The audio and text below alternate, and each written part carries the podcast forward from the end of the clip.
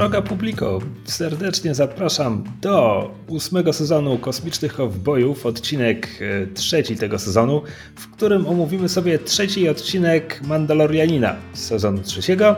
Ja jestem Krzysiek Seron, a ze mną przy mikrofonach w innych częściach miasta stołecznego Warszawy siedzą Rafał Potatyn.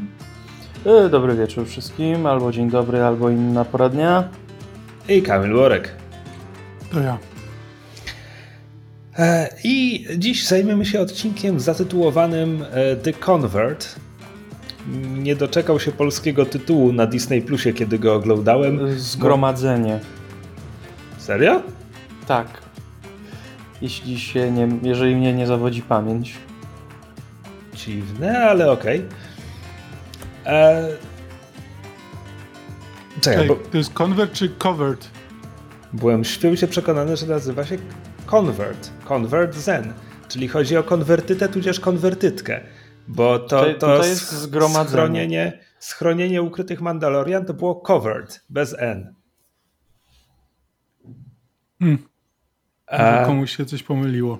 Może komuś się coś pomyliło, a może ktoś obejrzał odcinek i stwierdził, że w sumie nie wie, czy tytuł ma być po polsku w rodzaju męskim czy żeńskim, bo w odcinku jest kilka postaci, które można powiedzieć, że się nawracają. I mm. trudno powiedzieć, czy odcinek miał brzmieć konwertyta czy konwertytka. A, dobra, najpierw. E, A odcinek nie, pod tytułem Osoba konwertująca by nie do końca może brzmiało, więc. Słuchaj. Ja mówię, zwracam się do naszych odbiorców per osoby słuchające, więc kwestia przyzwyczajenia. Um, Ale my nie zarabiamy milionów nie tyle, nie tyle biogram, co te no, dane techniczne. Nie, też nie. W każdym razie ten odcinek wyreżyserował Lee Isaac Chung, który jest reżyserem filmu Minari, którego przyznaję nie widziałem, ale słyszałem o nim dużo dobrego. E, to film o koreańskiej rodzinie w Ameryce lat 80., 60. Jak mówię, nie widziałem filmu. Słyszałem dobre rzeczy sprzed dwóch lat bodajże. E, a scenariusz napisał tak John Favreau, ale dla odmiany nie sam, bo pomagał mu Noah Klur. Sprawdziłem pana Klura i on był w zasadzie głównym scenarzystą księgi Boba Fetta. W sensie Boba Fett ma tam trzy osoby, które pisały ten serial. Filoni, który jest wymieniony przy jednym odcinku, Favreau, który jest przy wszystkich, no bo to jego serial, i właśnie Klur, który też jest wymieniony jako współautor scenariusza do wszystkich odcinków Boby Fetta, więc taki jego rodowód. Um, no ten odcinek nie, jakoś nie zalatywał Bobą Fettem za bardzo. Znaczy, ten odcinek mógłby się nazywać, a teraz coś z zupełnie innej beczki, bo, Ta, e, bo mamy był... początek o Mandalorianinie i mamy koniec o Mandalorianinie, a środek jest o kimś zupełnie innym. Jest to e, wyjątkowo nietypowe. Właśnie w ten sposób jest podobne do Boby Fetta, tak? bo księga Boby Fetta okay. miała te odcinki bez Boby Fetta, kiedy właśnie skupił, skupił się na Mandalorianinie serial, na jeden odcinek.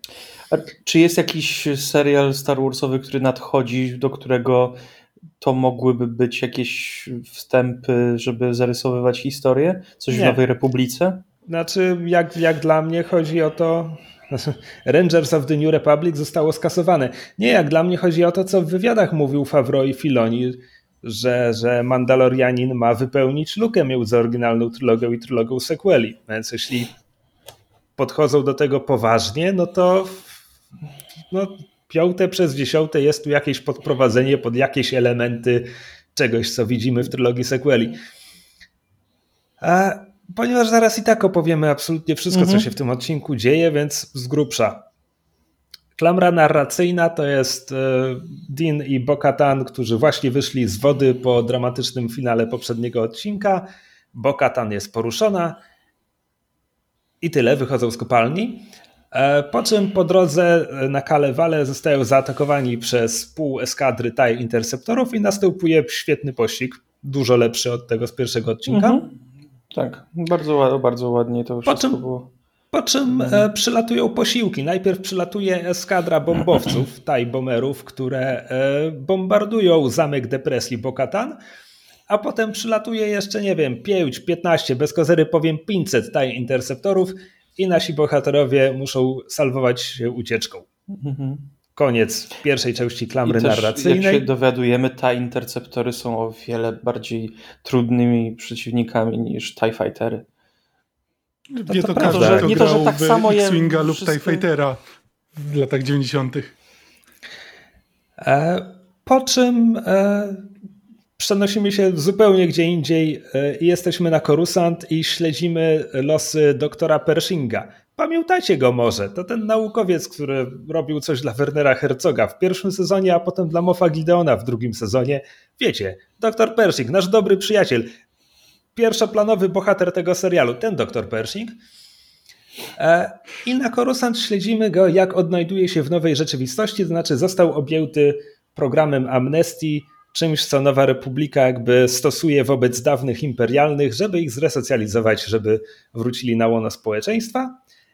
E, no ale go w tym programie idzie mu nieźle, tak, jest jakimś trybikiem w jakimś biurokratycznym urzędzie, no ale go tak ciśnie, że kurczę, on był tym naukowcem specem od genetyki i w sumie to on by się jeszcze pobabrał w genach, ale Nowa Republika mówi nu, nu, nu, nie klonujemy ludzi. No i Pershing zaprzyjaźnia się z inną członkinią programu Amnesty, którą zna ze statku Mofa Gideona, czy zna z widzenia. No i ona go tak bodźka, że słuchaj, ty byłeś takim genialnym naukowcem, ja ci mogę pomóc załatwić przenośne laboratorium, będziesz tym naukowcem znowu. A on tak chciałby i wzdraga się, ale ostatecznie daje jej się przekonać, więc wyprawiają się poza swoją dozwoloną strefę do, do miejsca, gdzie złomują niszczyciele, po sprzęt laboratoryjny. No i tam okazuje się, że to była pułapka. W sensie ona go wsypała, podkablowała noworepublikańskiej policji, policja go zgarnia i w finale tego wątku on ma zostać poddany delikatnemu praniu mózgu, powiedzmy hmm, nawodnieniu mózgu. To, to, to jest jakby procedura medyczna zatwierdzona, wszystko jest w porządku. E, noworepublikańscy naukowcy przecież są dobrzy i etyczni. E, a ona, oficerka, jest e, w tak dobrej komitywie, jako ta członkini programu Amnestii, która jakby naprawdę wierzy w Nową Republikę i, i naprawdę jakby wszyscy, wszyscy widzą w niej wzór tego, jak ten program ma działać. Ona mówi, że jakby no to przykre, to przykre, że Pershing jakby złamał przepisy i w ogóle ale to wciąż jej przyjaciel, więc ona chciałaby tutaj popatrzeć, jak mu tam biorą ten mózg lekko. A noworepublikańczycy mówią, pewnie, stara, nie ma sprawy i wszyscy wychodzą. Wszyscy. Każdy jeden członek tego laboratorium wychodzi, a ona wtedy przekręca to pokrętło, przy którym jest karteczka nie ruszać, żeby usmażyć mózg Pershinga.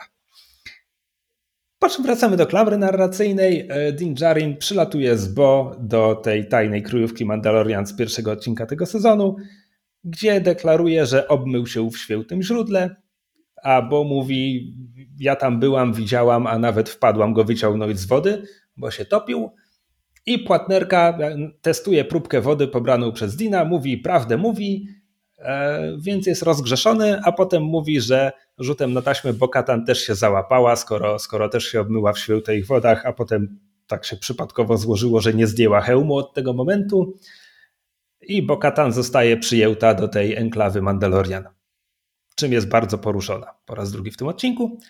Koniec odcinka. Z tego, co widzimy na wyrazie jej hełmu. Beznamiętnym hełmie, tak. Ja się nie mogę doczekać tych odcinków, kiedy będzie kilkunastu Mandalorian i wszyscy będą do siebie bardzo, bardzo żywiołowo wyrażać emocje Ni, niczym, hełmem. Niczym Power Rangersi. Tak, dokładnie. Będzie dużo, dużo ruszania rękami i pięści w górze. I, i kiwania głową, tak jest, jest. Mhm. Więc tak, ja wam, ja wam na żywo raportowałem e, z oglądania tego odcinka, że moim zdaniem jest to najciekawszy odcinek Mandalorianina, jaki dotąd się pojawił. Robi coś zupełnie innego. Jest tutaj world building, który znowu w tym serialu był, nie było go w ogóle. A jednocześnie jest też chyba najbardziej cringe'owy nie chcę się pastwić nad aktorami, ale oni zostali zatrudnieni do tego serialu, żeby grać trzecioplanowe rulki.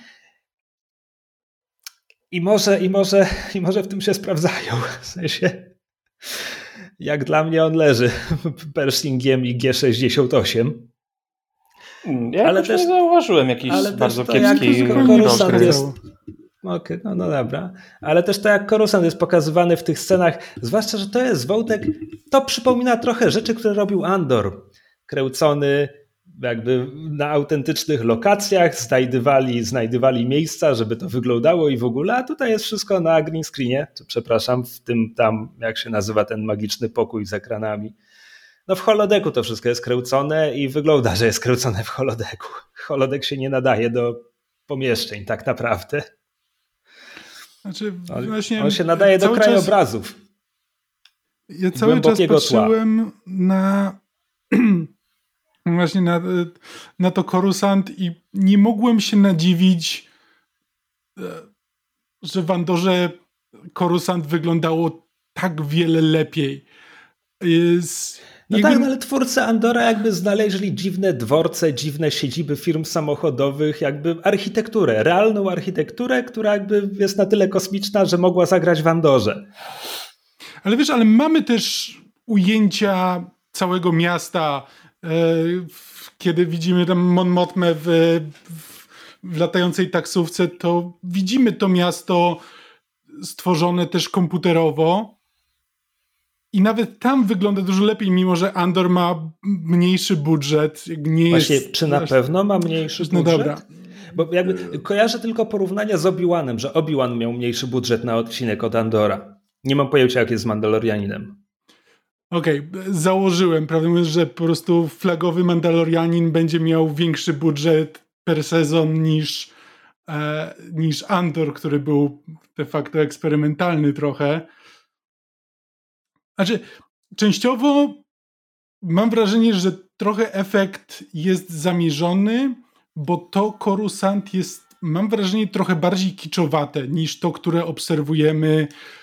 E, znaczy, to, to, to, Coruscant, to Coruscant jest jakby rozciągnięciem Coruscant z prequeli i Wojen Klonów, jakby nawet do tego momentu, do tego poziomu, że wydaje mi się, że widzimy tu te same lokacje, w sensie to, gdzie Pershing przemawia, wydaje mi się, że to jest opera, którą Anakin odwiedza z Palpatinem mm. w Zemście Sithów. Po prostu miałem mylić. wrażenie, że efekt ma być taki, że to jest taki wcześniej Coruscant, przynajmniej na przykład w Andorze, było dużo bardziej szare. Tutaj jest dużo więcej kolorowych świateł na ekranie, jakichś neonów w tle i tak dalej. I mam wrażenie, że to ma być specjalnie tak, że no, Imperium odeszło, Imperium było takie beton, beton i szarość, e, a Nowa Republika od tego odchodzi i wszystko jest kolorowe, nawet te lody, które oni jedzą idąc po promenadzie świecą się jak psu jajca. E, tak, to wszystko... Pershing ma niebieskiego loda, a ona czerwonego. Świecą się dokładnie na te same kolory, co miecze świetlne. Nice. E, tylko, że no oprócz tego mam wrażenie, że te efekty trochę bardziej kiczowato wyglądają. Dużo bardziej wygląda to na, na komputerową grafikę, na jakieś tło niż, niż wcześniej. No ale to jest taki drobny, drobiazg tak naprawdę.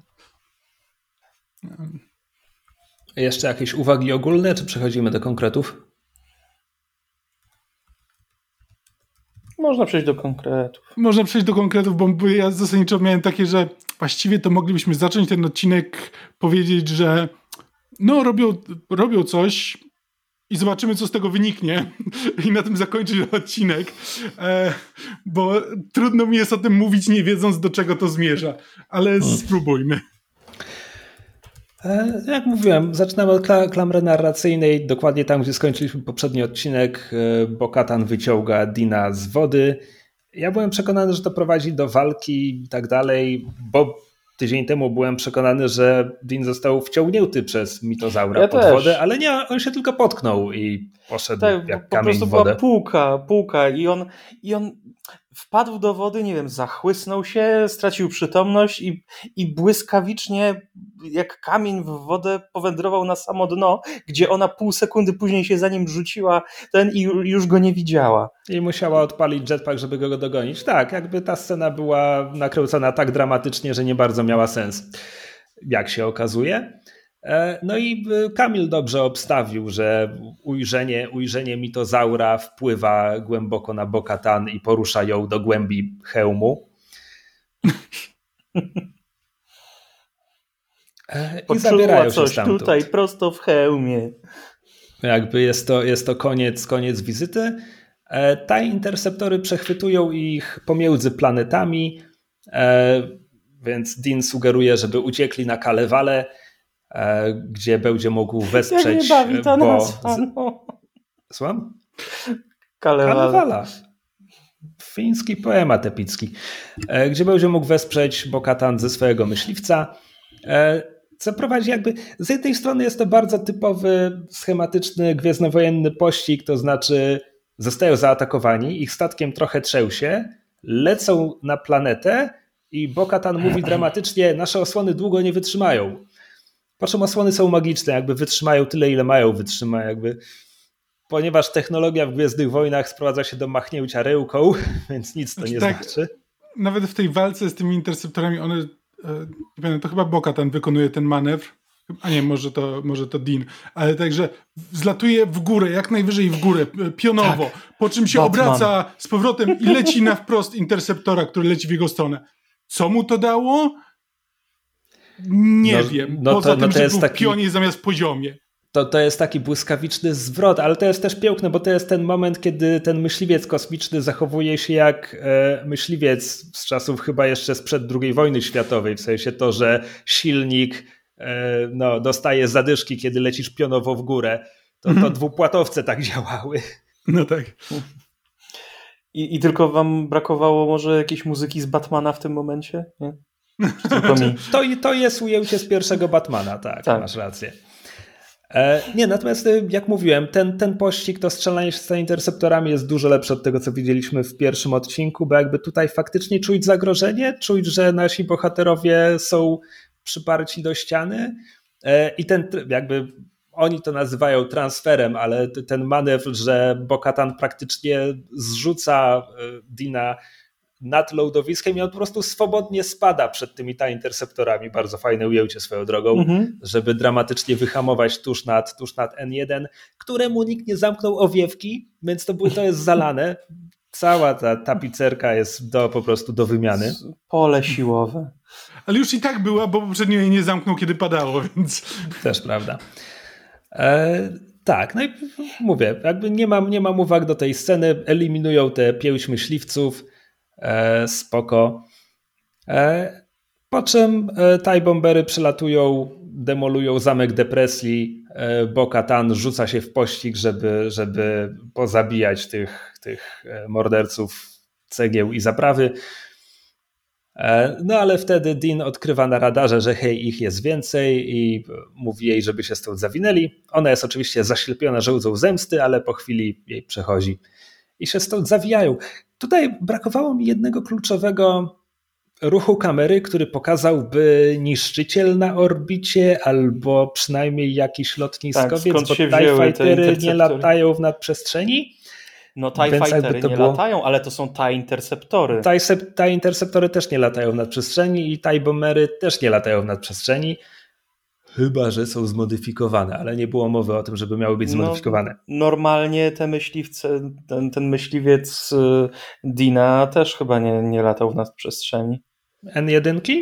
N1. Mogą. Znaczy, Mogą. nie widzieliśmy tego w Mrocznym Widmie, ale nie kojarzę, żeby nie no, mogły. Ro rozmiar mają porównywalny, to nie rozumiem, czemu TIE Fightery i TIE Interceptory miałyby tego nie eee, Słuchaj, jeśli chcesz wyjaśnienie z podręczników do RPGów z lat 80., to dlatego, że Imperium stawiało na masową produkcję tanich e, maszyn, które były łatwe do zastąpienia, e, a pilotów szkole, szkolili równie masowo w licznych akademiach, więc e, było im rybka, czy, e, czy, czy, czy czy zginie ich pięciu czy pięćdziesięciu, a poza tym jakby dawanie hipernapełdu do takich myśliwców w momencie, gdy stawiają na masówkę i w zasadzie nie weryfikują swoich pilotów jakoś znakomicie, mogłoby mhm. prowadzić do masowych dezercji. Zwłaszcza okay. w momencie, gdy piloci zorientują się, jaka jest doktryna wojenna imperium, to znaczy, a rzucimy 60 TIE Fighterów, jak wróci 12, to był dobry dzień. Okej. Okay.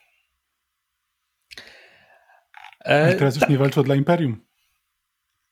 No nie, no walczą. Jest jakby walczą dla jakiegoś imperialnego warlorda, tak? Znaczy, no tak, cały, nie... cały, ten odcinek sugeruje, że gdzieś tuż poza kadrem czeka Moff Gideon, który zdołał uciec.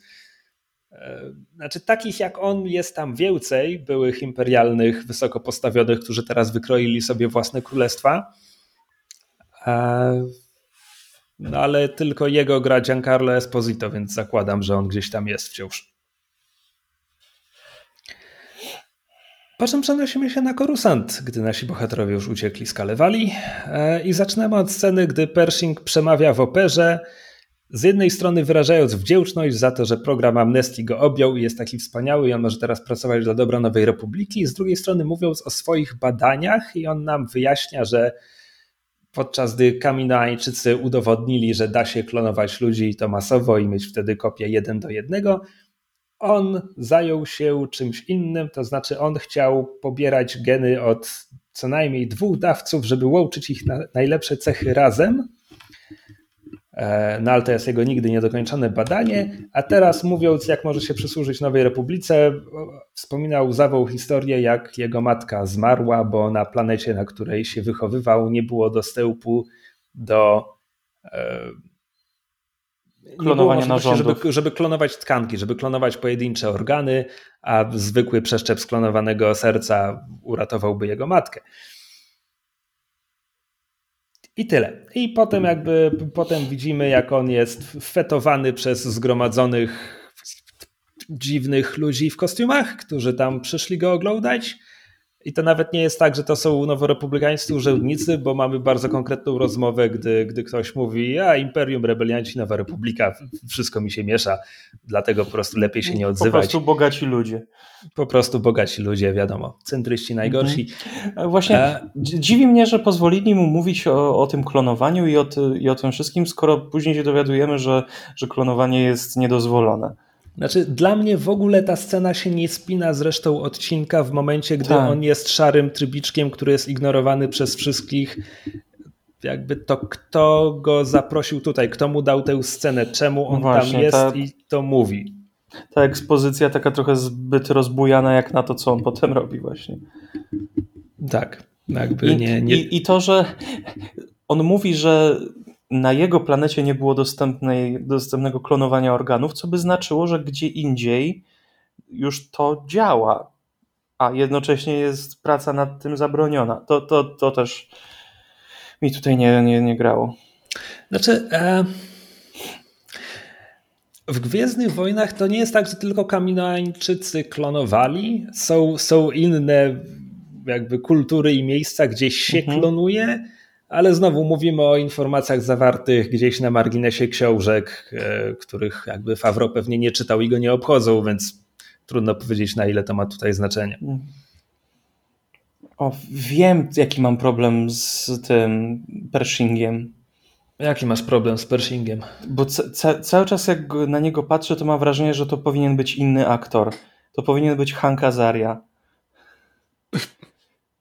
Jakoś okay. tak nie wiem.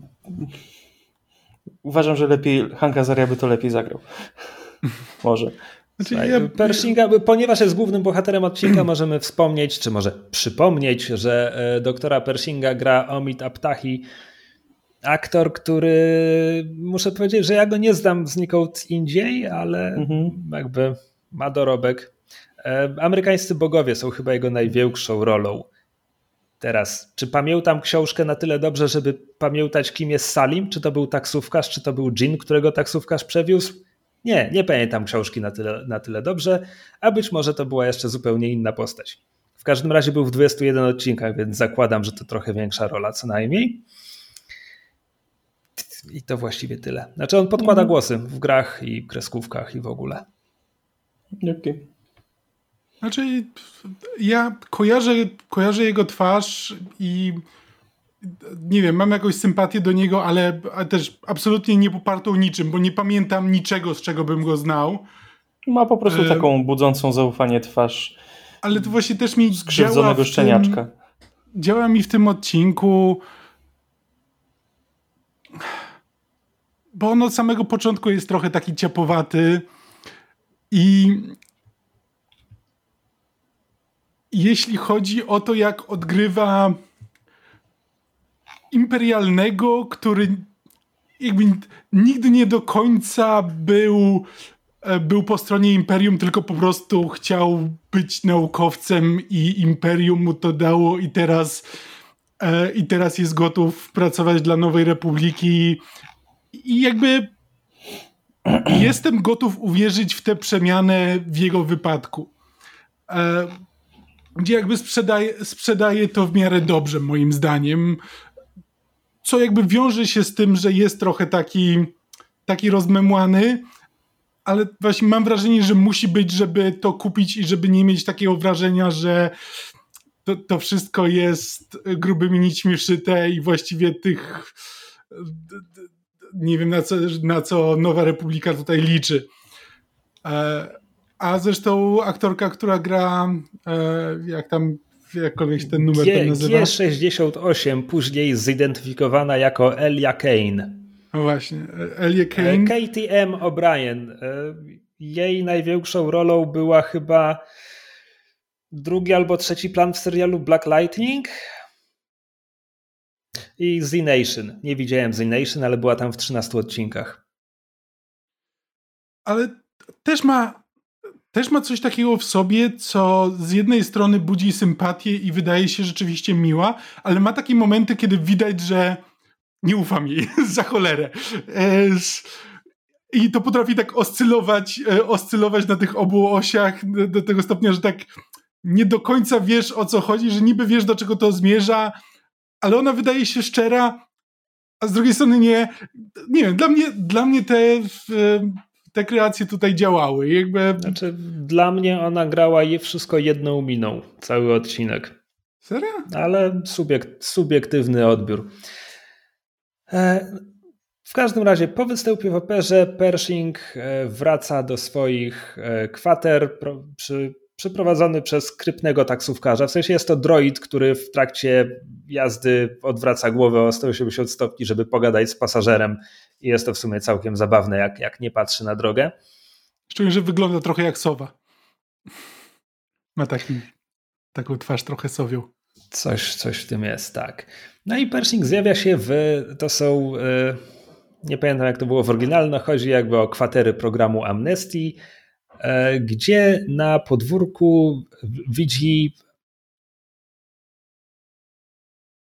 E, zabrakło mi słowa, o mój Boże.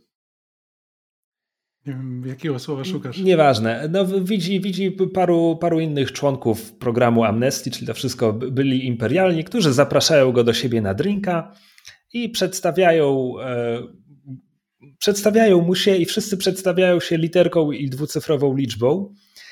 Ja byłem w świecie przekonany, że serial robi w tym momencie coś bardzo inteligentnego. To znaczy, że pokazuje nam tych byłych imperialnych, którzy nawet objęci noworepublikańską amnestią są tak przyzwyczajeni do tego, jak siły, jak siły imperium ich odczłowieczały, że nawet tutaj zwracają się do siebie po numerkach, no bo po prostu przez całą służbę dla imperium byli tylko jakimś numerem. Ale nie, Nowa Republika po prostu zwraca się do nich tymi numerkami i oni też z nich korzystają potem między sobą.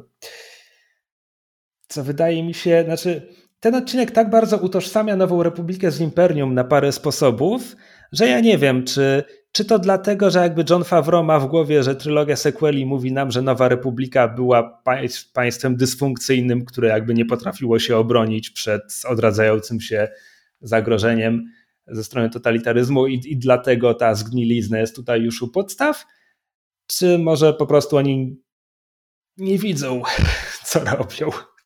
Nie, nie, sorry, muszą widzieć. Znaczy, moment, w którym Pershing mówi, że hej, to jest ten Mindflayer? Nie mogli tego tak nazwać, jak to się nazywało? Nazwali to Mindflayer, tak. Mindflayer, okej. Okay. No w każdym razie mówi, że to jest Mindflayer, ja to znam. Nie, nie, nie, to nie jest Mindflayer, my to, to przerobiliśmy, to już nie jest. Jakby nie nie uwierzę, że ktoś mógłby to na napisać tę scenę przypadkiem, jakby nie wiedząc, co robi. Jakby to, nie, to jest grubymi nićmi szyte, ale nie wierzę, że jest przypadkowe. Tak samo jak jest e, ta scena, co on ma ten regularny wywiad z tym droidem, który go odpytuje, hej, czy ci się podoba, czy masz jakieś e, anse do Republiki, czy masz jakieś coś i on, czyli wszystko dla dobra Republiki, tak? Yes, for the Empire, for the Republic. Po prostu to, to jest tak, takie podwaliny, że to jest tak naprawdę wszystko to samo, tylko że ubrane w ładny, ładniejszy papierek. No tak, tylko wtedy Znaczy, znaczy, ja, nie, ja, nie, ja nie mówię w tym momencie, czy to jest dobre, czy to jest złe, bo nie wiem, do czego oni właściwie tutaj zmierzają. Po prostu nie wierzę, że y, mogliby to zrobić przypadkiem. Wierzę, że autentycznie próbują te paralele zarysować. To, czy mają w tym jakiś cel i czy ten cel jest spójny wewnętrznie, to jest zupełnie inna dyskusja. No dobra, e, okej, okay, może faktycznie nie wnikajmy w to teraz bardzo głęboko, więc w każdym razie parę, parę, parę cyferek mu się przedstawia, no i Pershing gwałtownie reaguje właśnie na postać Katie O'Brien, którą rozpoznaje ze statku Mofa Gideona i mówi zresztą, nie spodziewałem się tu znaleźć nikogo ze statku Mofa Gideona. Temat nie zostaje pociągnięty szerzej, zostaje mu zaoferowany drink, e, zostaje nawiązana całkiem miła rozmowa. I właśnie tam podczas tej rozmowy jest wspomniane, że Mow Gideon, że jest powiedziane, że on uciekł, czy że go wrzucili w Mindflayera, czy coś znaczy, w tym no stylu. No właśnie, właśnie, byli imperialni, wymieniają się plotkami na temat. No. W sensie nie wiadomo I my ostatecznie nie wiemy. Ostatecznie nie wiemy. E, Pershing zostaje zapytany, czego mu brakuje z dawnych czasów. I jakby zaczyna od zająknięcia się, że ale przecież Nowa Republika jest dobra, na co dostaje zapewnienie, że tak, oczywiście, nie mówimy o tym, chodzi nam o drobne rzeczy. No i z drobnych rzeczy Pershing wymienia, że brakuje mu e, batoników, które były w standardowych imperialnych racjach żywnościowych, e, więc tam ci zaczynają wspominać, jak, jak smaczne były imperialne lembasy, więc tak, więc, więc widać, że on jest w stanie nawiązać tutaj jakieś relacje, o ile zostanie pociągnięty za fraki do tego. Po czym nocą, trudno powiedzieć ile czasu mija, ktoś do niego wydzwania, a kiedy on otwiera drzwi, nikogo tam nie ma, ale na wycieraczce czeka na niego skrzynka imperialnych lembasów. Więc ktoś, ktoś chciał mu zrobić miło. Mhm. W następnej scenie widzimy go właśnie jako trybik w biurokracji Nowej Republiki. I ta scena tylko wprowadza tę lokację, w sensie tutaj on po prostu odbija jakieś karty, zajmuje się katalogowaniem jakichś rzeczy na komputerze. Kropka. E, wrócimy do, tej, do tego wnętrza jeszcze raz w tym odcinku i w tej pierwszej scenie, chyba że o czymś zapominam, ale nie dzieje się absolutnie nic ważnego poza tym, żeby go pokazać przy pracy. No. Po to, żeby w następnej scenie pokazać go, jak spełza czas wolny. Więc e, oficer G68 wyciągnęła go na promenadę przy Umate. Słuchajcie, grzebiemy w bardzo starym e, kanonie Expanded Universe, to znaczy to, że na Coruscant są góry i najwyższy szczyt najwyższej góry jest jedynym e, punktem, gdzie widać naturalną powierzchnię Coruscant ponad zabudową jakby ja o tym czytałem 20 lat temu w jakiejś książce. Aczkolwiek mam wrażenie, że wtedy nazywali te góry Maranaj albo Manaraj, ale to chyba teraz jest nazwa całego łańcucha, a ten, a ten szczyt nazywa się Umate. Znaczy, to jest e... bardzo, bardzo fajna rzecz. Tak, no i do, dookoła tego Umate jest promenada w takim znaczeniu jak, jak no, z New Jersey. No. E, są iluzjoniści, są droidy na szczudłach, sprzedają błyszczące radioaktywne lizaki, a w tle leci wesoło miasteczkowa muzyka i nie wiem, czy przez całą tę scenę, ale na pewno bliżej końca tej sceny to jest John Williams rozpisany na katarynkę, w sensie to jest utwór z prequeli, nie pamiętam dokładnie jak ta ścieżka się nazywa. Okay. Ja nie lubię tych zabiegów, tak jak, tak jak nie podobał mi się Marsz Imperialny jako dżingiel e, reklamujący no, rekrutację do służby Imperium w solo, tak, tak nie podoba mi się John Williams na katarynce, ale to jakby moje subiektywne podejście i moje własne problemy. E, w każdym razie, poza tym, poza tym że G68 próbuje, próbuje e, no, nie wiem. Zaprzyjaźnić się. Zaprzyjaźnić się, tak, wyprowadzić Pershinga na ludzi, żeby zobaczył coś, coś z miasta. Tak, tylko ona tutaj faktycznie dla mnie była przekonywująca. Naprawdę mi się wydawało, że ona tutaj jakby pokazuje jakąś dobrą stronę siebie i że jakby o ile miałem te podejrzenia wcześniej, to, to tutaj opuściłem gardę po tej scenie. Owszem, Czy widziałem ona, czerwonego loda. Że... A, ona, a ona w tej scenie właśnie zaczyna rozmawiać z nim o jego badaniach i o tym, czy, czy nie mógłby się przysłużyć Nowej Republice, kontynuując je. E, I ja od tej sceny byłem świecie przekonany, że ona jest wtyką Gideona, który, która ma no, doprowadzić do tego, żeby Pershing dalej służył jego celom. W czym się pomyliłem, tak, ale miałem rację co do wtyki. Znaczy, tak, A ja właśnie się zastanawiam, czy jakby, czas... się, jakby jej się udało, jakby nie zostali złapani. Właśnie ja nie jestem pewien, czy, czy oni tam na nich czekali, czy zostali złapani dlatego, że ona powiedziała, że tam będą. Bo równie dobrze mogli być złapani wcześniej, jak, jak tam wchodzili, czy, czy wiesz, na ten, na ten statek. Dobra, dojdźmy do tamtej sceny, Dobra. to się zastanowimy. Znaczy nie, ja tylko chciałem jeszcze co do tego powiedzieć, że, że to mi się tutaj podobało, bo jej... ja byłem przekonany, że ona rzeczywiście chce go zrekrutować do czegoś. Znaczy, że właśnie, że jest w tylko Gideona, ale próbującą go y, nawrócić z powrotem na swoją stronę, w związku z czym tak zakładałem, że to jej przyjazne nastawienie jest, y, jest grow, ale jakby w zupełnie innym, e, zupełnie w innym celu. Że autentycznie myślałem, że, że jest po jego stronie. E,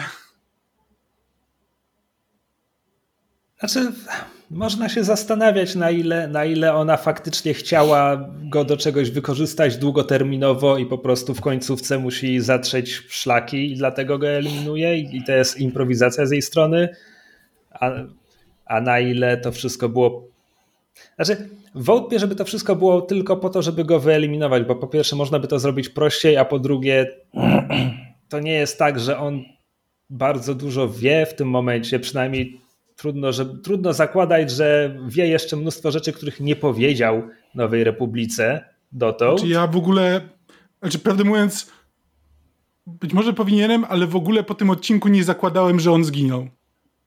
Och nie, on, nie, on na, na pewno jest usmażony. Ewe ewentualnie może być w stanie wegetatywnym, ale. Znaczy. A, ale nie, bo ona mówi, on mówił, że you're gonna wipe my memory, że, że, że wytrą mu pamięć całą, a nie, nie, nie, nie czułem też takiego jakby zagrożenia, że on umrze, tak? Myślę, że on teraz będzie miał tak. też polobotomii powiedzmy, czy no tak, no to los gorszy od śmierci. To... Znaczy, nie, moim zdaniem oni chcą go jeszcze wykorzystać do tych badań, tylko po prostu potrzebują tak. go e, potrzebują go zresetować. No, znaczy, ja wiem, że technologia w Gwiezdnych Wojnach robi to, co, czego scenarzysta że potrzebuje, ale uszkadzać mózg człowieka, od którego potrzebujemy jego wiedzy o nauce i zdolności, to jest głupie i nielogiczne. No tak, Favreau by czegoś takiego nie zrobił. Znaczy tak, znowu, zobaczymy, ale jakby absolutnie byłem przekonany, że to jest początek wątku Pershinga, a nie koniec. No zobaczymy. A tak, no tam jest jeszcze zabawna scenka, kiedy G68 namawia go, żeby dotknął e, umatę, e, no, żeby, żeby po, poczuł jak to jest, trochę pożyć, po czym przylatują droidy mówiące proszę nie dotykać umatę, e, a ona śmieje się, no, zgina się w pasie od śmiechu. Wszyscy śmiali się i dokazywali. W następnej scenie Pershing jest na sesji z droidem, który jest takim trochę kuratorem, który przepytuje tych członków programu Amnesty i właśnie pyta, czy, czy wszystko dobrze, czy nie ma problemów, czy jakiś stres albo irytacja, czy ktoś zachodzi za skórę, czy, czy żywi pan niemiłe uczucia względem Nowej Republiki. Znaczy, ja, ja zupełnie nie jestem w stanie traktować tej sceny inaczej niż dystopijnie po obejrzeniu Severance. Wy chyba żadne z was nie oglądało z tego, co kojarzę. Nie, y, nie ale jeżeli mówisz o, o korpo, one-to-one'ach i retrospektywie, to, to tak, to, to, ja to ja to widzę. Bo to jest takie, taka typowa narzucona z góry rozmowa z przełożonym, tylko że tutaj z droidem. W Severance no, tutaj, to, tutaj to widzimy, jest nawiązanie są... właśnie do takich rozmów, ale poprowadzone w bardzo specyficzny sposób. Ale kto wie, znaczy, ten wie. Mi, mi to się nie kojarzy korporacyjnie właśnie dlatego, że widzimy, że to jest jakby narzucona rutyna element jakby kontrolny, dlatego to dla mnie jest po prostu spotkanie z kuratorem. W każdym razie, a więc tutaj Pershing pyta właśnie no, o możliwość każdy widzi co, co zna, ja widzę rozmowy korporacyjne, ty widzisz spotkania z kuratorem. Znaczy, to jest jakby o, a ja będę z, w, centrystą, bo dla mnie jakby to jest połowu, bo to jest znowu, to ma być takie nawiązanie na zasadzie, że no, no, tak, on zasadniczo de facto jest więźniem w tym systemie i musi się meldować i e, zdawać, zdawać raporty, ale właśnie wszystko jest tak zmiękczone w taki korporacyjny sposób, że to nie jest właśnie rozmowa z kuratorem na zasadzie, dobra, to gdzie byłeś, co zrobiłeś, e, te, jak E, co uważasz na temat, na temat Nowej Republiki, tylko takie no, opowiedz mi, czy, czy miałeś tak. jakieś, takie jest bardzo miękkie, takie delikatne na zasadzie, Twój well tylko tutaj jest dla nas bardzo ważny. Tak. Proponujemy e, tak, webinary o zdrowiu psychicznym. Pershing, Pershing pyta o możliwość kontynuacji swoich badań. Droid łączy się z bazą danych i mówi: Pańska specjalizacja klonowanie, babranie w genach absolutnie zakazane przez konwencje koruskańskie. Nu, nu, nu, proszę nie. E, więc podminowany Pershing tego wieczora zagaja rozmowę z G68 e, na kwadracie, no i pyta właśnie o to, o czym ona mówiła wcześniej, o tę możliwość kontynuacji badań, że jakby to wyglądało i w ogóle. E, na co słyszę, że no, dałoby się skołować taki sprzęt, bo tutaj Nowa Republika złomuje imperialny ekwipunek, więc dałoby się wyciągnąć. Nie, czekaj, nie, ona nie mówi jeszcze konkretów. E, ona nie mówi konkretów. Ona tylko mówi, że mogłaby mu sko skołować przenośne laboratorium, ale wymagałoby to opuszczenia sektora, po którym oni mogą się poruszać. No i tutaj Pershinga oblatuje strach, mówi absolutnie nie, wykluczone. G68 mówi tylko, hej, no jakby Przemyśl to sobie jeszcze. E, po czym wracamy do tego Pershinga jako trybika w biurokracji Nowej Republiki, e, bo akurat ma skatalogować imperialny sprzęt, który idzie do, e, do, do zniszczenia. No i zaczyna rozmawiać ze swoim. Ja nie wiem, czy to jest jego bezpośredni przełożony, czy to jest ktoś, kto po prostu mu podrzuca dyskietki do skatalogowania. W każdym razie Pershing właśnie wyraża zdziwienie, że ten sprzęt ma zostać zniszczony, bo przecież mógłby się jeszcze przydać, mógłby, mógłby teraz służyć czemuś dobremu, jeśli Nowa Republika by go wykorzystała. Na co słyszy od tamtego, że hej, słuchaj, wszystko fajnie, ale jakby my mamy, my mamy normy do wyrobienia, jesteśmy w tyle z tym katalogowaniem, bo poza, poza demobilem imperialnego sprzętu jeszcze musimy na żyletki pociąć całą e, republikańską flotę, więc jakby pewnie mógłbyś wypełnić podanie C258Z, ale w sumie nie wiem, czy członkowie programu Amnesty mogą to robić. Mógłbym spytać, ale trzy kropki, e, czy, sugestia, wracaj do pracy. Czy to jest właśnie coś innego, bo on, on nie mówi o republikańskiej flocie, on mówi e, Alliance Fleet. A, czyli w sensie, tak że rebelianckiej. Tak, czyli to jest, co jakby nie do końca właśnie rozumiem, bo to, znaczy w ogóle to, że, to, że oni po prostu tną na żyletki znaczy, y, tu, Tutaj mogę ci dać kontekst kanoniczny. No, no, no. E, kanoniczny kontekst, który pochodzi bodajże z trylogii Aftermath, której nie czytałem, o której słyszałem najróżniejsze rzeczy, więc trochę się boję e, jest taki, że chwileczkę po zwycięstwie Chronologia jest taka, że powrót Jedi kończy się bitwą o Endor, to są 4 lata po Nowej Nadziei i rok później jest bitwa o Jakku, która jest wspominana w Przebudzeniu Mocy, to po tej bitwie na Jakku jest cały ten złom, który Rey e, potem eksploruje w swoim filmie. E, więc już rok po powrocie Jedi dochodzi do takiej e, definitywnej bitwy, w której to, to jest już Nowa Republika, rozgramia resztki imperialnej floty, znaczy resztki, całkiem pokaźne siły, no ale demoluje je na tyle, że e, po tym zostaje podpisany e, traktat pokojowy. W zasadzie imperialne resztki kapitulują. Poza tymi najbardziej twardymi i, i lojalnymi, którzy wycofują się w nieznane regiony i po 20 latach wrócą jako najwyższy porządek.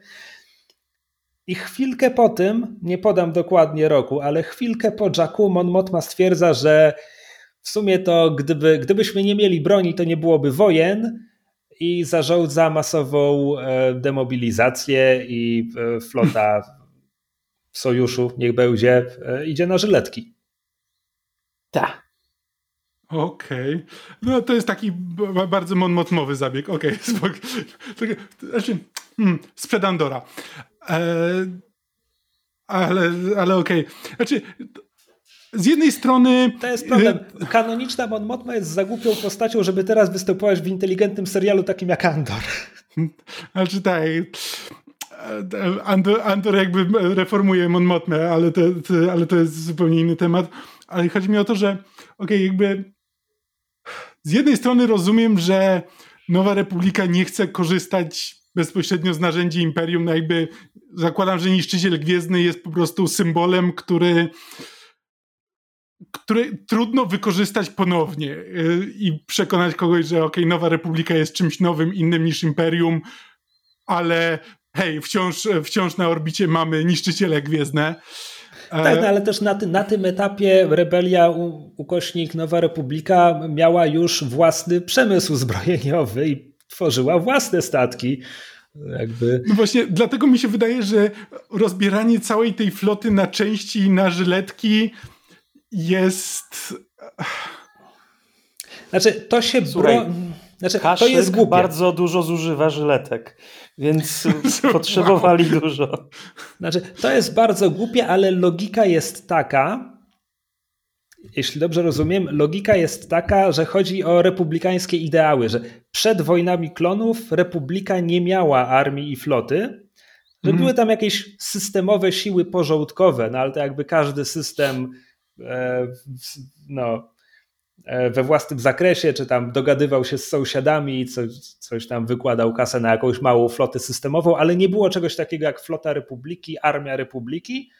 Potem wojny klonów wymusiły powstanie jednego i drugiego.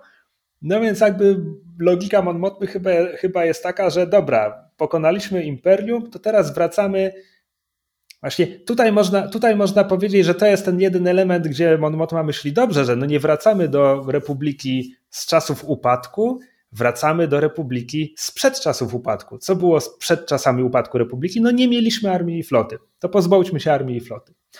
Czy jest to głupie na dłuższą metę? Tak. Czy jest w tym jakaś pokrętna logika? Jestem w stanie sobie znaczy, wmówić, że tak. Jest w tym logika, tylko, że jesteśmy w świecie Gwiezdnych Wojen, w dodatku jesteśmy w świecie... Gwiezdnych Wojen! Wojen! tak, to po pierwsze.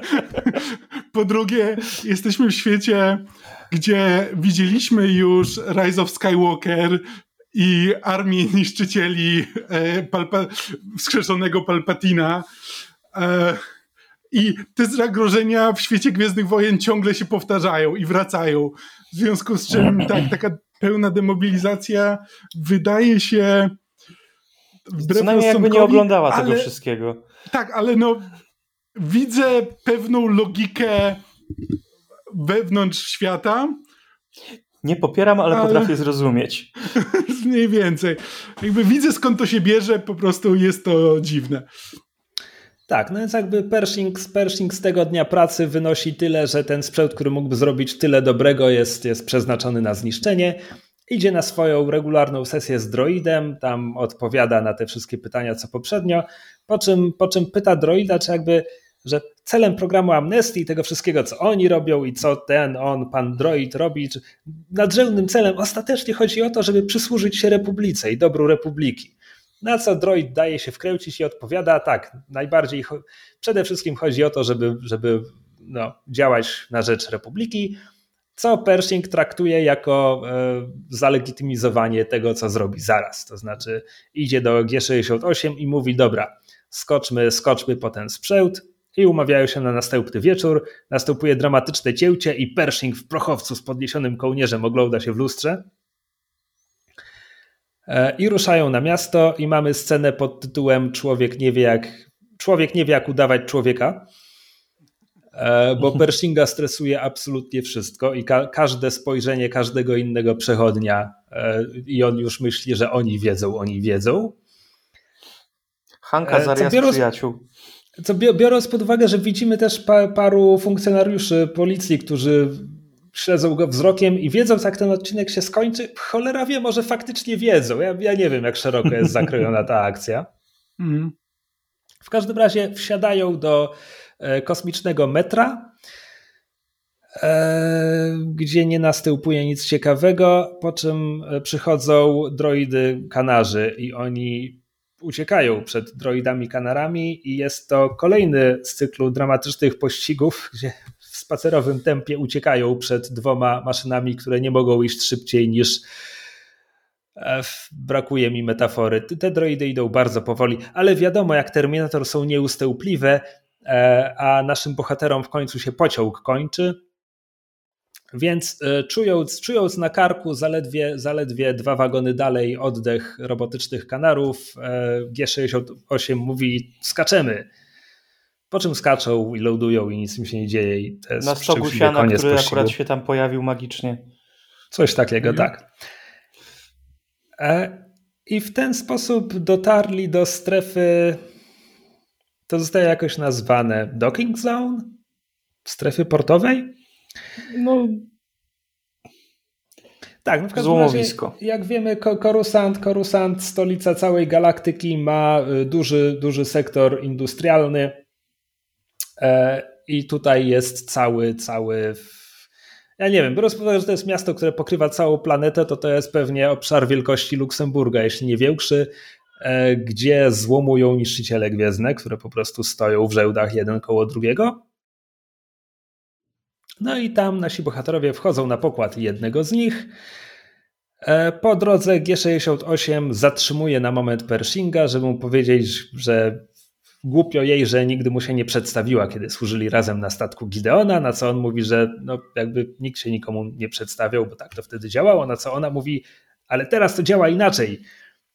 Co byłoby prawdą, gdyby oni nie zwracali się do siebie po numerach w tych ośrodkach, wszyscy między sobą, ale pewnie teraz to nie jest prawdą, więc ona mu się przedstawia jako Elia Kane, i że była łącznościowczynią. On się przedstawia chyba po raz pierwszy pełnym imieniem i nazwiskiem, więc on jest doktorem Penem Pershingiem.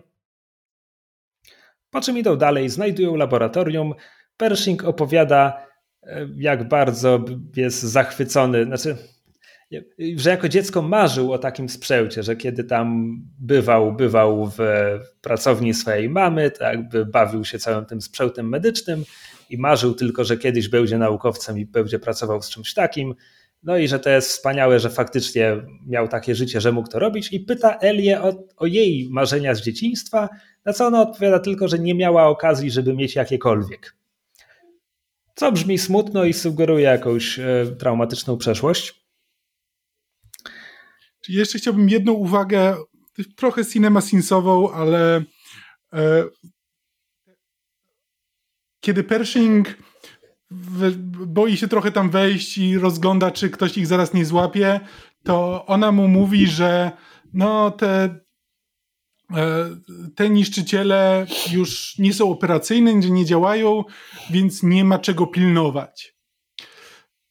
I znowu, no, to są niszczyciele gwiezdne, tam jest sporo sprzętu, a jakby jest dużo lepsze wytłumaczenie na to, właśnie prawdopodobnie takie, że to jest teren wielkości Luksemburga i trudno jest go pilnować, więc tak, mają pewnie, wiesz, jednego strażnika na e, 10 kilometrów kwadratowych i szanse, że na kogoś padną są nikłe, no dobra, ale trochę no ale mi trudno zakładając... uwierzyć, że po prostu to sobie leży i nikt tego nie pilnuje. No dobra, no ale zakładając, że plan od początku jest taki, że oni dadzą się złapać i Ellie na tym zależy, to ona mu teraz kłamie po prostu, żeby okay. go uspokoić, żeby on okay. poszedł za nią żeby mogli go potem złapać z towarem w rełku. Okej, okay, być może rzeczywiście tak jest. Ja się zastanawiałem, po co, po co ten teatrzyk cały? Czemu wcześniej go nie wydała? Co, bo potrzebowała zobaczyć, jakiego sprzętu chciał użyć do tych badań? Nie, czy, właśnie, to, to, to, nie ma, to nie ma sensu. Znaczy, dla mnie to ma o tyle sensu. ze sobą tę walizkę, tak? Nawet, znaczy, nawet sugestia, sugestia tego... że on mógłby kontynuować swoje skomplikowane badania genetyczne za pomocą apteczki i jakby kilku plastrów wyniesionych z niszczyciela jest tak. durne, zwłaszcza gdy nie ma materiału genetycznego, który mógłby badać. Znaczy, no, moim zdaniem to ma o tyle sens, że na każdym wcześniejszym etapie to by go po prostu dziabnęli za opuszczenie tej wyznaczonej strefy. I tyle. E, a potrzebowali, no tak jak wiesz, tak jak w większości filmów gangsterskich, na zasadzie, wiesz, nie, nie, nie, jeszcze nie teraz. Musimy, musimy ich nakryć na, na gorącym uczynku, bo inaczej, bo inaczej dostaną po łapach i nic, i nic się nie zmieni. No, Jakby... ale ona mogła równie dobrze zeznać wcześniej. Do, tak szliśmy po laboratoryjne te elementy, żeby, no, tak, ale żeby on, on mógł kontynuować że, badania. No, no ale on nie wiedział po co tam idzie. Ona mu, powie, ona mu powiedziała, że tak naprawdę idą po e, z, w, o, zobaczyć coś fajnego. Tak, zobaczyć sobie jak to tam, jak tam jest. W związku z czym musieli go przyłapać na kradzieży, a nie po no prostu okay. na włamaniu na złomowisko. Znaczy, Okej, okay, dobra, wrócimy do tego za moment, jak już dokończymy wątek. E, nie zostało nam wiele, bo oni jakby ograbili laboratorium i szukają drogi ucieczki z pokładu niszczyciela, gdy zaczynają słyszeć dziwne hałasy. Elia początkowo mówi, że e, to nic, nie przejmuj się. Hałasy się powtarzają, w końcu widać światła, bo tutaj weszli policjanci z latarkami, więc ona każe mu uciekać. Udaje im się opuścić pokład niszczyciela sobie tylko znanym sposobem, po czym to jest ten dziwny moment. Co? To jest dla mnie dużo dziwniejszy moment, to, że właśnie uciekają. To jest moment, w którym powinni ich złapać, ale potrzebujemy trochę przedłużyć odcinek i jeszcze dodać kolejną ucieczkę. Właśnie mimo, jak że na to, jak te wszystkie tutaj... odcinki są krótkie, to tutaj ten odcinek ten był, był raz długi. Ten, i, ten i właśnie prawie godzinę. No i mam wrażenie, że też czasami był sztucznie wydłużany. Właśnie tak jak mówisz, że potrzebujemy dodać jeszcze, ale po co? Po co? Już macie długi odcinek że tak, bo już na tym etapie jakby nic się nie zmienia.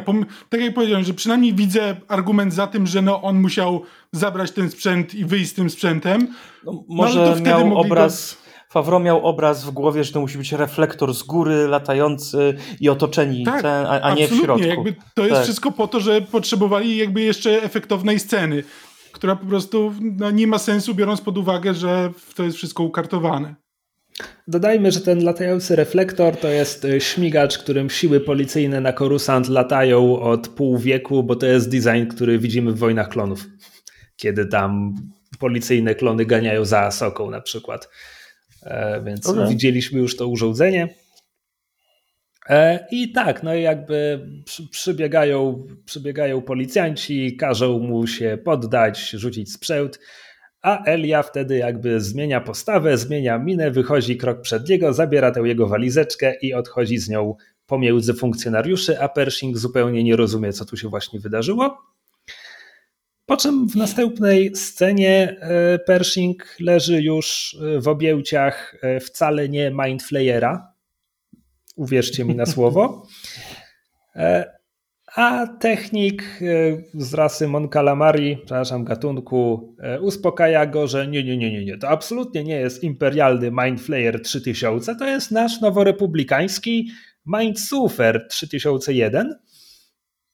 To taki mój dowcip, no ale zasadniczo mówi, że to jest zupełnie inne urządzenie i ono jest wykorzystywane do, do e, leczenia, do terapii, że, że on sam przeszedł ten zabieg i był bardzo przyjemny i wyszedł po nim bardzo zrelaksowany, że Pershing zobaczy tylko jakieś kolorki, wzory i, no, i że będzie spoko. Pershing próbuje czy to w tym mówić... momencie, Czy to w tym momencie Pershing krzyczy Mon Calmari prosto w twarz It's a trap?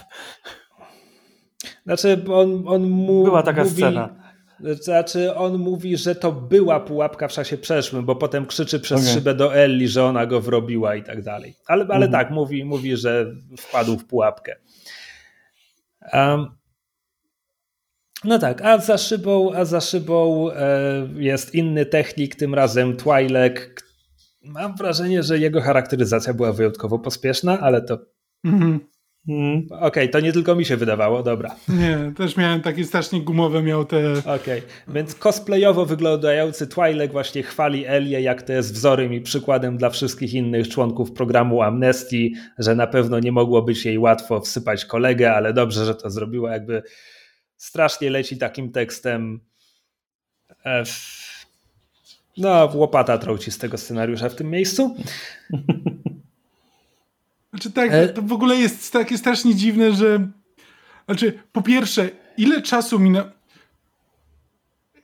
jakby odkąd złapali Pershinga i Elię, żeby Elia na tyle długo tam była i miała okazję się wykazać, żeby teraz wykazywali do niej takie zaufanie. Jaki w ogóle znaczy... sens ma jakby branie kogoś z tego programu do wsypywania do wsypywania innych, kiedy tak naprawdę można by było zrobić kogoś z zewnątrz, o kim wiesz, że nie ma żadnych imperialnych y, koneksji, tylko wybierasz kogoś, kto je miał, po to, żeby łapał innych.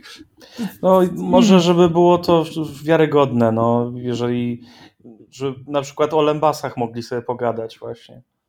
Żeby to było takie no, budujące e, zaufanie. Za, za moment do tego wrócę, jeszcze już chcę tylko tę scenę streścić do końca, no bo co się dzieje? Mon Calamari powiedział, powiedział Pershingowi, że wcale nie Mindflayer 3000 jest zupełnie bezpieczny, e, o ile, o ile jest ustawiony na niski voltaż. E, po czym jakby absolutnie wszyscy wychodzą z pomieszczenia, kiedy tylko urządzenie zaczyna działać. Elia prosi cosplayowego Twileka, czy może tutaj zostać i popatrzeć, jak Pershing cierpi, bo to jej przyjaciel. I kiedy tylko za Twilekiem zamykają się drzwi, ona przekręca to pokrętło i ono idzie aż do 11 i wtedy Pershing zaczyna się rzucać i moim zdaniem to mu smaży mózg. Wy zakładacie, że tylko mu tam wykasuje morale, fu, morały, moralność, żeby mógł dalej służyć e, Gideonowi. Zobaczymy. A jeszcze e, Elia Kane sięga po imperialnego Lembasa i jakby gryzie go tak, jak tylko naj, najgorsze Schwarz charaktery jedzą jedzenie w filmach. I to jest koniec ich wątku w tym odcinku, więc wróćmy do tego, o co chodziło tej pani. Znaczy, ja zakładam i muszę zakładać, bo ten odcinek pozostawia sporo pytań, że idea jest taka, że Pershing już nie jest im potrzebny. Znaczy, alternatywnie Pershing był im potrzebny i ona naprawdę by skorzystała, wykorzystała go do pracy i wykorzystałaby jego badania, gdyby nie wpadli w każdym razie wydaje mi się, że nadrzędny plan jest taki, że ona ma być e, wtyką w Nowej Republice, więc robi wszystko, żeby tam pokazać, jaka jest wierna i, i no, jak pomyślnie przeszła, przeszła, e, jak to się nazywa? Nie pranie mózgu, to drugie. Reedukację. Indoktrynację. A skoro zakładamy bardzo różne rzeczy, to możemy też na przykład założyć, że ona była w tych kwaterach programu Amnestii już właśnie jako wtyka, że jakby ona już wcześniej jak, w jakiś sposób przekonała Nową Republikę, że, że jest w pełni po ich stronie i teraz będzie pilnować swoich kolegów, którzy nie są tak bardzo w pełni po jej stronie. Że w sensie, że wcześniej, czyli kiedy? Cholera wie, no wcześniej, no zanim ten odcinek się rozpoczął. Bo, jakby, bo, bo tak wracam do tego, o co ty spytałeś, ile czasu mija między poprzednią sceną a tą. Bo gdyby ona była tylko jakby, gdyby ona miała ten sam status co Pershing... Nie, nie, nie mówię o scenach. Nie mówiłem o scenach, po prostu ile czasu minęło odkąd ją złapali, no bo ona służyła na u Gideona. No dobra, no ale to jest de facto to jest to samo pytanie, no bo chodzi, chodzi mi o to, że jeśli ona ma ten sam status co Pershing, gdy ten odcinek się zaczyna, to to jest głupie, że ona jest w tym laboratorium, kiedy oni zaczynają brać mu mózg. Jakby tutaj nie ma sensu, żeby ona tam była. Dlatego zakładam, że ona musiała już być wtyką republikańską w tym programie, znaczy podwójną agentką, tak? Ale Republika myśli, że ona autentycznie i szczerze pilnuje swoich innych kolegów byłych imperialnych z ramienia Republiki w tych kwaterach. Ale mu, znaczy... dopisuję sobie teraz jakby trzy sceny, których nie ma w tym odcinku, które, które by to wyjaśniły. Znaczy, mo moim zdaniem jest tak, jak mówisz, że ona była tam wcześniej, tylko że właśnie, no jak długo. Znaczy, no, mi chodzi o to, że maksymalnie mogły minąć dwa lata, bo mam wrażenie, że tyle mniej więcej jest odkąd e, ostatni raz widzieliśmy Mando, a trzecim sezonem. Tak mniej więcej ile czasu. E, tak, ty, ty, się, ty się trzymasz tego, że między finałem drugiego i początkiem trzeciego sezonu mijają te dwa lata? Nie, nie między. E, znaczy między sezonem 2,5 a sezonem trzecim. Między Bobą i, trze i trzecim Mando minęły dwa lata. Znaczy okej, okay, teraz, ja, ja teraz mówię, rzeczywiście... Że nie. Znaczy, znaczy, Nevarro rozwinęło się tak absurdalnie, że uwierzyłbym, że minęło 5 lat po prostu. No tak, no ale no dobra, no minęło trochę czasu, no ale nie to nie może być bardzo dużo, no bo nie jesteśmy jakoś nie wiadomo jak, no, jak Dina daleko Jarina w tak boli to, że tak boli, że jest apostatą, że, że no nie czekałby dwóch lat, tak? Biorąc no, pod uwagę, no, ale że tak Dean, Dean został wywalony właśnie w Boba, Bobie Fecie, tak? No, to... Znaczy tam nie ma znaku zapytania. W serialu okay, tak, tak, Boba tak. Fetta on tak. zostaje wywalony. Znaczy, mówię, to, to jest po prostu takie, takie znowu bardziej logiczna zagwozdka na zasadzie nie wierzę, że minęło tyle czasu, żeby Elia miała okazję wykazać się taką lojalnością wobec Nowej Republiki, by żeby mieć właśnie zostać taką oficerem pozycję. takim. Tak, że po prostu być oficerem bezpieki de facto e, w ramach Nowej Republiki z, z takim dostępem i jakby takim zaufaniem w nią pokładanym, że ona autentycznie będzie werbować ludzi, ale, w, ale na niby. I że nie wykorzysta tego w żaden sposób, i że wierzymy w to, że na pewno już nie ma e, żadnych sympatii wobec imperium. No dobra, po no prostu... jeśli, jeśli, jeśli ona nie zdążyła się tak wykazać przed tym odcinkiem, no to po prostu musimy założyć, że ostatnia scena jest taką głupotką, że ona jest w tym laboratorium, bo jakby nie ma ku temu żadnych podstaw. Mhm. Jest to turbodurne. No to, to jest właśnie problem z tym serialem, że no, ja nie chcę cały czas porównywać do Andora, jakby już wspominałem o tym, że to są dwa różne seriale, jakby mają dwa różne stawy założeń, ale kiedy w Andorze coś mi się nie skleja logicznie, to, to, to myślę że jest tym, jakiś powód. Tak, to znaczy, że po prostu ktoś tutaj ma, e, ma motywy, które, e, które których dotychczas nie, o którego dotychczas nie podejrzewałem. Podczas gdy tutaj mam takie właśnie zacząłem myśleć nawet, że może przyczepiłem się do tego, że ta ostatnia ucieczka z tego, z tego niszczyciela, kiedy gonią ich tymi, tymi korytarzami jest głupia, no bo tak naprawdę już wtedy Elia mogła go po prostu e, zatrzymać i tam mogli dokonać aresztowania. Już nic się nie zmieniło w, e, jakby w czasie tej ucieczki. No ale właśnie, że no skoro to nie ma sensu, no to może właśnie to jest to, co mówisz, że może ona chciała chciała tak naprawdę ten sprzęt, tylko, tylko improwizowała w tym momencie. Tylko, że ja po prostu nie pokładam wystarczająco dużo wiary w tym serialu, żeby móc stwierdzić w żadną stronę, że okej, okay, skoro to, to nie miało sensu, to znaczy to. Po prostu może, może scenarzyści o tym nie pomyśleli i po prostu chcieli kolejną scenę akcji dorzucić.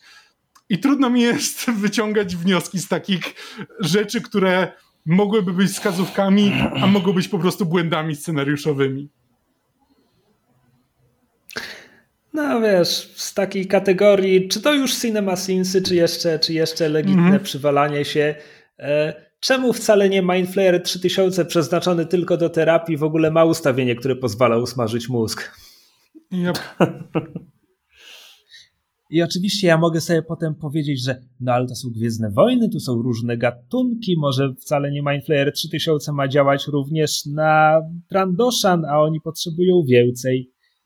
Pewnie, czemu nie? Ale wtedy jakby tak naprawdę tutaj więcej sensu dla mnie miałoby, gdyby Nowa Republika wykorzystywała imperialny sprzęt i to byłby Mindflayer wersja 1.0, a Mon Calamari tylko mówi, zmodyfikowaliśmy go tak, że teraz jest bezpieczny, dopóki ktoś nie przekręci pokrętła nie tymi słowami, tak? Da się to napisać lepiej, ale w sumie jeśli scenarzystom nie chce się pisać tego typu kwestii lepiej, to czemu ja mam? W każdym razie. E, to kończy wątek doktora Pershinga i Ellie. Przynajmniej w tym odcinku. Ja obstawiam, że to kończy wątek doktora Pershinga w tym serialu, ale może się pomylę, zobaczymy. I wracamy do klamery narracyjnej. Albo, wiecie co? E, pozwolę sobie jeszcze na dygresję, e, bo żeby pozostać przy tym temacie. Jeśli obejrzeliście ten odcinek, e, zarówno wy, moi przyjaciele, jak i osoby nas słuchające. I Też przyjaciele. tak. I pomyśleliście sobie, że kurczę, to w sumie jest ciekawy temat, to co, to, co Nowa Republika robi z, z dawnymi imperialnymi. E, to jest trylogia książek, e, Eskadra Alfabet, to jest jej pierwsza część, nie pamiętam tytułów pozostałych, no po prostu chodzi o drugą i trzecią część. E, która jest świetna. To jest moja ulubiona trylogia książek gwiezdnowojennych w tym momencie.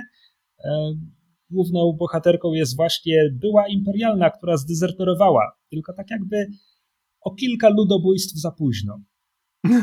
I ona właśnie przechodzi, przechodzi przez takie obozy dla byłych imperialnych, przechodzi przez tę procedurę weryfikacji e, i potem jakby to, na ile Nowa Republika jej wierzy, ufa, na ile, ile, ile swobody jest w stanie jej dać, to jest wszystko temat, który się przewija przez te trzy książki. E,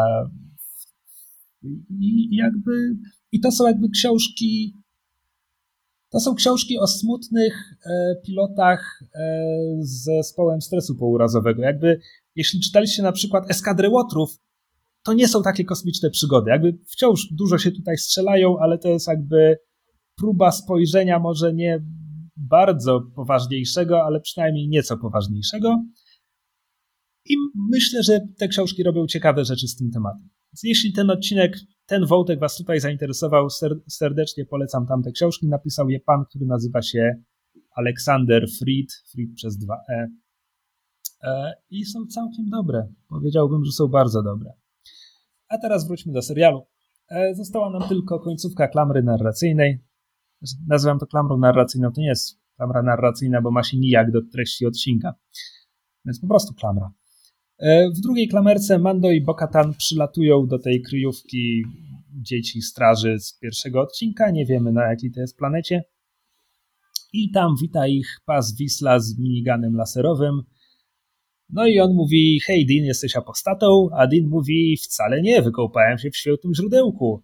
A pas mówi, w dupie byłeś nie na Mandalorze. A Bokatan mówi, jam świadkiem. A pas mówi, tyś apostatką, więc, więc no, Cicho po czym, Dean wyciąga fiolkę Ty w dupie wody. byłeś, ty gówno widziałaś. tak. Dean wyciąga fiolkę z próbką wody, którą pobrał na początku tego odcinka. Chyba zapomniałem o tym powiedzieć, to nie jest ważne. No i pas mówi, no dobra, zobaczymy. Wchodzą do środka, płatnerka bierze próbkę, e, polewa niczym Galadriela swoje zwierciadło i woda robi się błękitna Myśl na kurczę. E, i, I Dean widzi tam, że w Shire wycięli wszystkie drzewa, przepraszam. E, I, i e, mówi, że Krzysiek, faktycznie... jak na koniec odcinka ci się humor poprawił. Tak, no. no bo już dobiegamy do końca. Zaraz będę wolny. E, więc, więc płatnerka mówi, że e, to faktycznie są święte wody. Skredek będzie wolny. W związku z czym, w związku z czym Dean e, no, zostaje rozgrzeszony, a Bokatan, która przed chwilą powiedziała, że jakby wpadła do wody, żeby wyciągnąć Dina, więc płatnerka pyta ją, hej, a zdjęłaś heł potem? Bo mówi, no w sumie nie. Płatnerka mówi, no to w sumie ty też jesteś rozgrzeszona. Możesz, możesz zostać z nami ile tylko chcesz, możesz odejść w każdej chwili, dopóki nie zdejmiesz hełmu, jesteś jedną z nas. Oni naprawdę mają proste zasady. E, no i bo jest, aha, no i wtedy inni, inni Mandalorianie zaczynają ich klepać po plecach i w ogóle jest, jest miło i komitywa i mówią, tak. że tak każe obyczaj. I bo, A po jej hełmie widać, że czuje się. Po jej hełmie kurczę, widać, że czuje jest? się tym poruszona i jeszcze ostatnie co robi, to wpatruje się w emblemat mandaloriański na ścianie. Tym, tym emblematem jest oczywiście ten, ten wizerunek czaszki mitozaura, tak. więc wracamy do tego, że to było I bardzo dla niej poruszające. Ewidentnie w jej hełmie gra muzyka I can't fight this feeling any longer. Znaczy. Ja nie lubię tych Mandalorian. Ja bym no. wolał, żeby Bokatan ich przeciągnęła na swoją stronę, niż żeby ona została wciągnięta do tej dziwnej sekty. Ale to mój subiektywny problem. No, jeśli to jest kierunek, w którym chcą rozwijać ten serial, okej. Okay. chciałbym widzieć tej, tej bardzo niehigienicznej sekty. No, chyba, że to będzie tak, że oni wciągają Bokatan, a Bokatan potem przyciąga ich. I po prostu spotykają się gdzieś w środku. I będzie walka między Bokatan a płatnerką.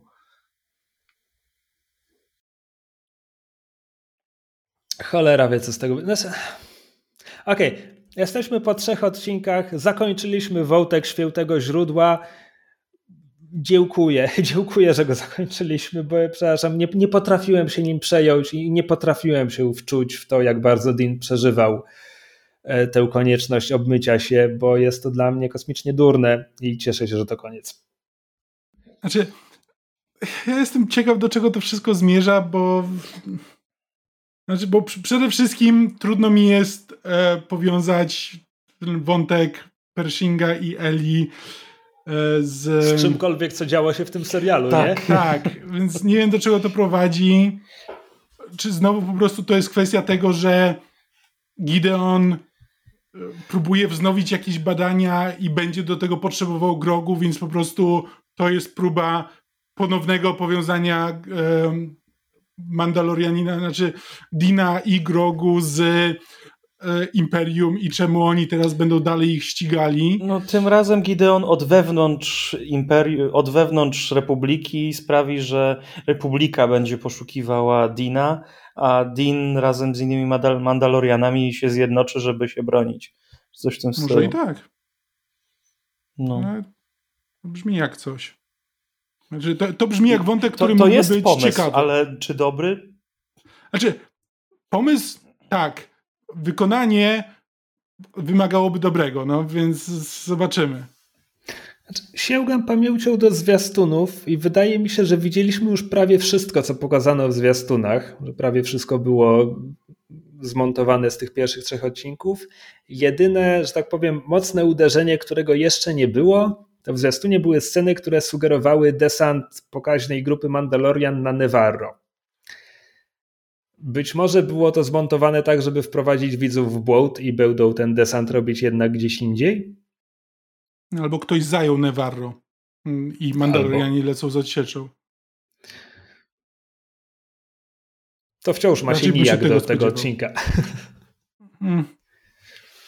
Znaczy, tak, jak, tak jak mówiłem na początku, jakby zrobili coś Zrobili coś, czego w Mandalorianie dotąd nie robili i to samo w sobie było dla mnie ciekawe. Mhm. Moim zdaniem ten odcinek nie jest udany w tym, co robi, ale przynajmniej próbował zrobić coś ciekawego, co bardzo doceniam. E, teraz oczywiście mając kontekst wojen klonów, mam w głowie, że wojny klonów robiły takie rzeczy, tylko że wojny klonów od początku były antologią, która bardzo często, tak pewnie, Anakin, Obi-Wan i Ahsoka są głównymi bohaterami, ale czasami tam potrafiliśmy pół sezonu ich nie widzieć, bo, bo ten serial jakby przeskakiwał w zupełnie inną część galaktyki i zupełnie kto inny był teraz na pierwszym planie. Na Mandalorianin dotąd, że tak powiem, dość kurczowo trzymał się swojego tytułowego bohatera. Zastanawiam się, czy na przykład będą planowali powtarzać te manewry i czy jeszcze w tym sezonie będzie, nie wiem, jeszcze jeden odcinek o cholera wie kim. Znaczy, szczerze mówiąc, skoro już to zrobili, to chciałbym, żeby pociągnęli wątek tej pani Kane, żeby mhm. on do czegoś doprowadził. Czegokolwiek, żeby, żeby jakby zasugerować... Czy Herzog jeszcze żyje tutaj? Czy on... Kto taki? Herzog. A nie, on skonał. skonał? Gideon, Gideon go przecież zastrzelił. A, okej, okay, dobra. Chyba, nie, że się Herz... sklonował wcześniej. Chyba, że się sklonował mm. wcześniej. E, Herzog nie żyje, Gideon powinniśmy chyba założyć, że pozostaje w więzieniu noworepublikańskim i tylko może mieć jakieś kontakty, żeby z więzienia sterować tym wszystkim? Bo jeśli on naprawdę uciekł pomiędzy sezonami, znaczy ja wiem, że Grogu może wrócić do Mando pomiędzy sezonami Mandalorianina, ale przynajmniej gdzieś jest powiedziane, co się stało. Mhm. A jeśli, że tak powiem, wielki finał poprzedniego sezonu, pokonaliśmy Mofa, złapaliśmy Mofa, Mof jest w więzieniu, po czym w następnym sezonie Mof jest wolny, no to już naprawdę zmieniamy się w smerfy, które nigdy nie mogą tak zatriumfować nad Gargamelem, żeby ten nie mógł ich gonić w następnym odcinku. Jakimś cudem Gideon powrócił. Nie przypominaj mi. No, liczę na to, że już, się, że już się nauczyli, że takich rzeczy się nie robi, ale, ale kto wie. Znaczy, oczywiście, mówię... jeśli ten serial ma dążyć do trylogii sequeli, to jak najbardziej sklonowany Palpatine może w pewnym momencie zacząć no tak. pociągać za te sznurki. O Boże, no tak. O Boże, no tak. Do tego to wszystko zmierza. Ja czytałem, czytałem książkę, której autor miał karkołomne za, zadanie zbudować jakąś podbudowę fabularną pod e, odrodzenie Skywalkera, przy czym akcja książki była umieszczona tak na 5 lat przed przebudzeniem mocy, więc to było podwójnie karkołomne. Nie, więcej, tam Rey pojawia się jako może dziesięcioletnia dziewczynka, mniejsza jeszcze chyba. E, I było to spektakularne. Spektakularnie znaczy, fiko, fikołki, fikołki, których autor próbował dokonywać, żeby fabuła odrodzenia Skywalkera miała jakiś sens. Przede wszystkim ten, ten e, treasure hunt, gdzie oni gonią za sztyletem Sithów, który prowadzi ich do ruin Gwiazdy Śmierci, które w jakiś sposób prowadzą ich na ukrytą planetę Exegol. To wszystko było możliwe, bo rodziców Rey e, tropił łowca nagród, który podejmował bardzo głupie decyzje, a w finale upił się i podjął jeszcze głupszą decyzję, żeby ostatecznie któryś z tych rekwizytów znalazł się w odpowiednim miejscu. Spektakularnie głupie, no ale jak trzeba wyjaśnić, czemu spektakularnie głupi film mhm. się odbył, to no tak, trzeba się dopasować do poziomu. Ej, do tej pory nie o tym kolory. myślałem. Patrząc no. na kolory. Na początku, jak był w Mindflayerze 3000, to na niebiesko się to świeciło, a potem się świeciło na czerwono, więc on ewidentnie będzie zeźlony i to Pershing sklonuje Imperatora. Znaczy, to jest moim zdaniem to, do czego zmierzają, o czym nie pomyślałem do tego momentu, a powinienem mhm. był, bo jakby z Wojny Klonów próbowały jakby zbudować tkankę jakby łączącą wątki e, trylogii prequeli w coś trochę bardziej spójnego. W, znaczy z wieloma sukcesami. Znaczy, Clone, tak. Clone Warsy są fix-fikiem do trylogii prequeli w większości udanym. Nie, no Clone tak, Warsy naprawdę tylko, że... robią dużo dobrych rzeczy, które mogą poprawiać odbiór prequeli. Tylko teraz mam wrażenie, że Mandalorianin ma posłużyć do tego samego, do, do jakby trylogii, jak to nazywa, trylogii sequeli powiedzmy, E, i, i zbudować jakby tę tkankę. na razie tych sukcesów nie odniósł. No jak na razie sukcesów nie, znaczy tylko, że właśnie boję się, że teraz będą, teraz to wszystko będzie w służbie najgorszego filmu z Gwiezdnych Wojen w ciągu ostatnich 40 lat. 50 lat. A, już prawie. E, Jesteśmy starzy. Nie, to Gwiezdne Wojny są stare. Gwiezdne Wojny powstały przed naszym urodzeniem, więc przynajmniej to nie jest... Dekadę ten, przed. To nie jest ta rzecz, która myślę o tym, że starzeje się razem ze mną tak samo. Ale bo, boję się, do czego to prowadzi.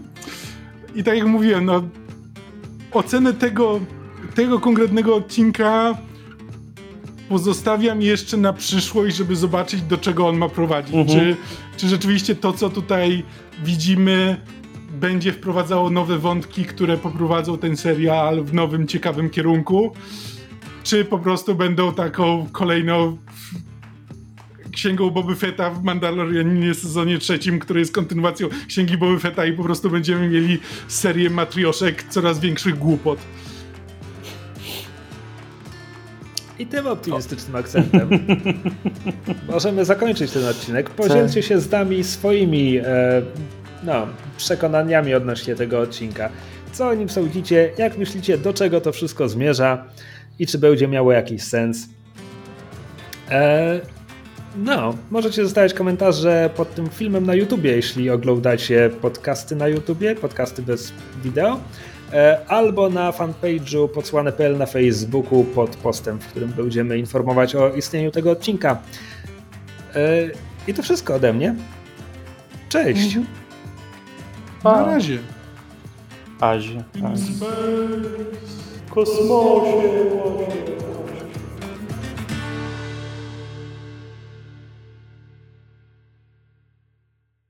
Słuchajcie, tym, tym razem nie dobiliśmy nawet do 150% runtime'u odcinka, yy, który omawiamy, więc wyjątkowo się zwarliśmy, tylko i wyłącznie dlatego, że to był bardzo długi odcinek Mando. Dokładnie.